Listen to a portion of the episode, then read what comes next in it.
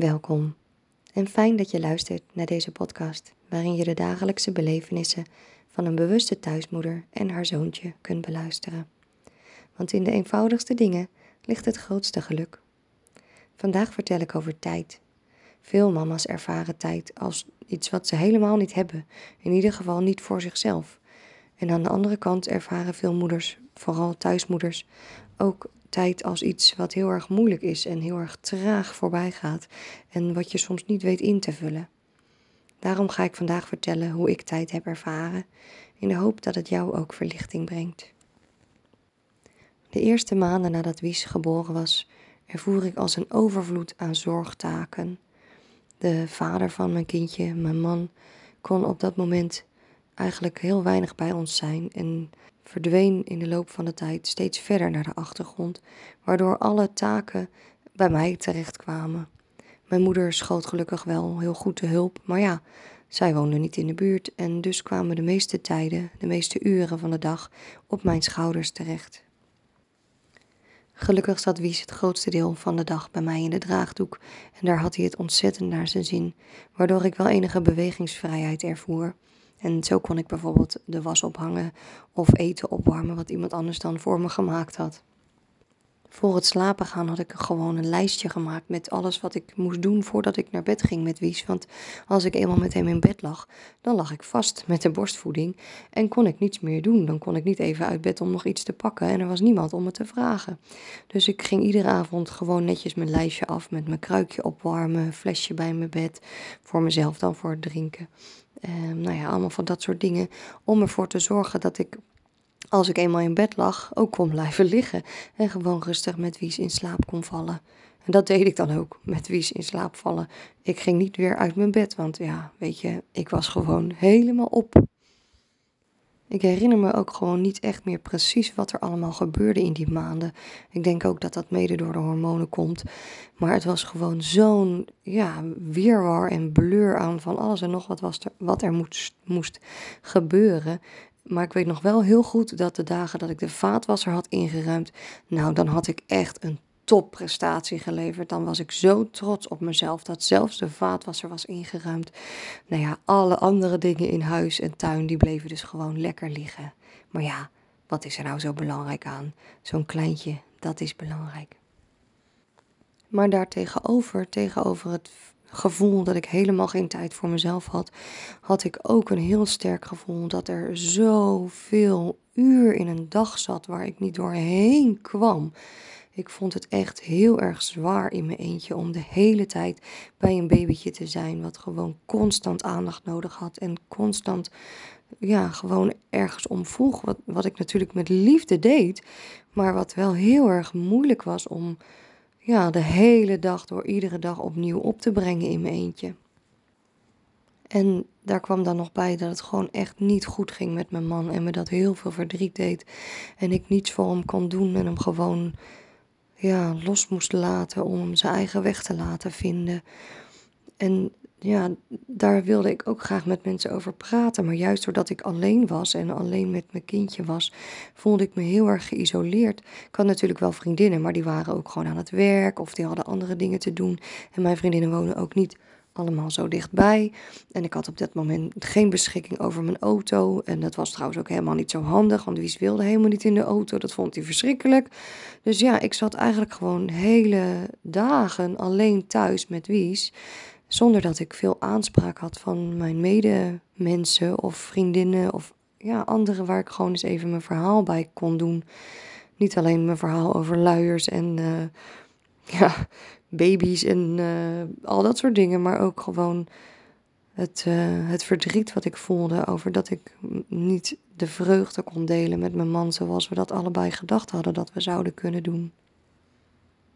Dus daar zat ik dan in die enorme tegenstelling van enerzijds overspoeld zijn door werkzaamheden, zorgtaken en het idee te hebben, het gevoel te hebben geen tijd voor jezelf te hebben en anderzijds de eindeloze dagen waar je ik herinner me dat nog ook van toen ik werkte, waarin ik ieder half uur op de klok keek om, uh, om te kijken of de dag al wat verder opgeschoten was. En vanuit die tegenstelling heb ik mijn weg weer gevonden. Tegenstellingen of extremiteiten zijn altijd heel goed om jezelf weer goed terug op jezelf te werpen, heb ik gemerkt. Daar heb ik er al de nodige van tegen, daar ben ik er al de nodige van tegengekomen in mijn leven. En wat ik dus ben gaan doen, is heel bewust alles te accepteren.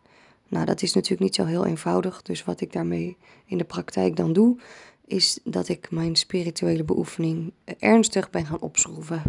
Nou, dat was natuurlijk ook wel even zoeken. Want ik was natuurlijk heel erg gewend om mijn spirituele beoefening zonder kind te doen. Dus ik ben heel erg gaan zoeken naar welke yoga-oefeningen zijn er geschikt om met wies in de draagdoek te doen, bijvoorbeeld. Um, welke meditaties kan ik doen met wies erbij? Welke gebeden zijn goed geschikt om uh, met wies te doen en helpen mij goed? Nou, en zo ben ik echt heel erg gaan zoeken en heb ik uiteindelijk een nieuwe spirituele beoefening voor mezelf gemaakt. Eens in de zoveel tijd verandert die sowieso, dus dat is prima. En op die manier heb ik heel toegewijd gezeten aan weer licht en kracht aan mijn ware zelf geven.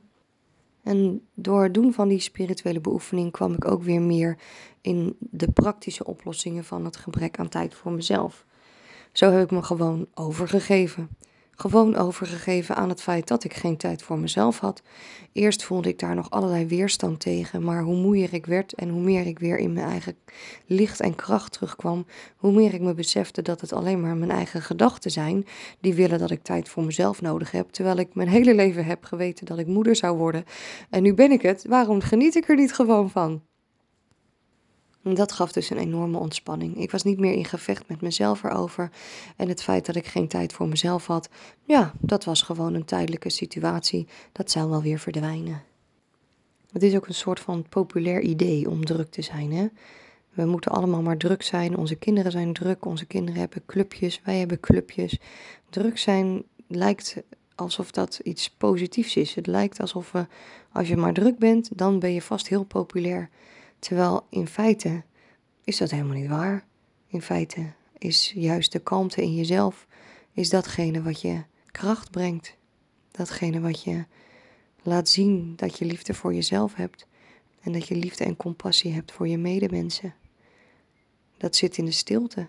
Dat zit helemaal niet in de drukte. Daarnaast, mede doordat mijn spirituele beoefening zo aangescherpt werd, werd me ook weer veel duidelijker waar mijn focus lag. En dat is eigenlijk altijd echt een heel nuttig, nuttige tool, zal ik maar zeggen om gewoon heel goed te weten waar je naartoe wilt werken. Want op die manier kun je ook prioriteiten stellen die gewoon van belang zijn. Dus wat ik ben gaan doen door het gebrek aan tijd en doordat mijn focus weer scherper werd, is dat ik heel kieskeurig werd. Voor de geboorte van mijn zoontje hield ik me eigenlijk bezig met allerlei ontzettend nutteloze dingen. Netflix kijken, mensen, met mensen afspreken die me eigenlijk niet zo heel erg boeiden, uh, werkzaamheden of vrijwilligerswerk doen waarvan ik dacht, moi, moi, moi. Nou, dat kon nu allemaal gewoon niet meer. Dat verdween. Heel simpel. Ik kon me alleen nog maar bezighouden met eten, drinken, voeden, slapen, luiers verschonen, luiers wassen. Heerlijk, lekker simpel. En wat het me ook opleverde, was dat de acceptatie van de hele situatie gewoon steeds meer aanwezig was. Dat ik steeds meer accepteerde dat mijn man er gewoon niet bij was. Dat hij niet voor ons kon zorgen. Dat hij niet voor zichzelf kon zorgen. En ja, dat we dat eh, zo mochten laten zijn. En daarmee ging ik ook steeds meer alleen van mijn zoontje genieten. Eerst wilde ik het heel graag met hem delen, maar ik merkte dat hij dat niet kon ontvangen. Dat die liefde voor hem nog niet ja, hij stond daarvoor nog niet in de ontvangststand, zal ik maar zeggen. En ja, ik kon het wel ontvangen. Ik kon wel de liefde van ons zoontje gewoon echt heel erg voelen. En ik kon er ontzettend van genieten. Dus dat ben ik steeds meer gaan doen. Ik ben steeds meer dankbaar gaan zijn voor het feit dat ik al wel zodanig geheeld mocht zijn. Dat ik het wel kon ontvangen en er wel van kan genieten. En dat, ja, dat, dat ervaar ik eigenlijk nog steeds de dankbaarheid voor het feit dat ik in mijn verleden al heel veel dingen heb mogen opruimen. En daardoor zo kan genieten van alles. Ook van, van Wies, maar ook van alle andere dingen in het leven. Mensen vinden me altijd enorm naïef omdat ik zo vrolijk ben. Maar ja, ik geniet gewoon. Dus dat, uh, dat heeft het me opgeleverd, denk ik. Het, het, het besef, de realisatie dat het gewoon mag zijn wat het is. Dat alles mag zijn wat het is. En daarmee heb ik die tijd en het gevecht met tijd heb ik heel goed kunnen aanvechten. Of beter gezegd, niet meer vechten. En dat is denk ik wel een van de mooiste lessen die ik dankzij mijn kind en mijn grootmeester Wies mag leren. Namelijk dat tijd eigenlijk niet bestaat. We leven in het hier en nu en alles is in het hier en nu. En hoe meer ik in het hier en nu leef, hoe gelukkiger ik ben en hoe meer ik Wies kan zien stralen. Vond je dit mooi om te horen? Dan kan je het misschien ook nog eens nalezen. Ik heb dit eigenlijk ook al min of meer in twee blogs verwerkt. Ik zal de link daar naartoe in de show notes van deze aflevering zetten. Dan kan je het nog eens op je gemakje lezen als je wilt. Ervaar jij zelf ook een gevecht met tijd? Dan vind ik het heel leuk als je mee wilt doen met het online programma Opgewekt uit je bed. In vijf weken keer je je leven weer om van verveeld of vermoeid naar vrolijk en opgewekt weer je bed uitkomen. Doe je mee? Ik zal de link in de show notes zetten. Dank je wel voor het luisteren. Je bent welkom om ook op Instagram te komen kijken. Mijn kanaal heet daar ook Bewust bij mijn kind. En als je geïnspireerd bent door mijn podcast, dan vind ik het leuk als je je ervaring deelt met anderen door middel van een testimonial of op social media. Op mijn website bewustbijmijnkind.nl vind je nog meer inspiratie en mijn aanbod. Ik wens je een mooie dag of een fijne nacht.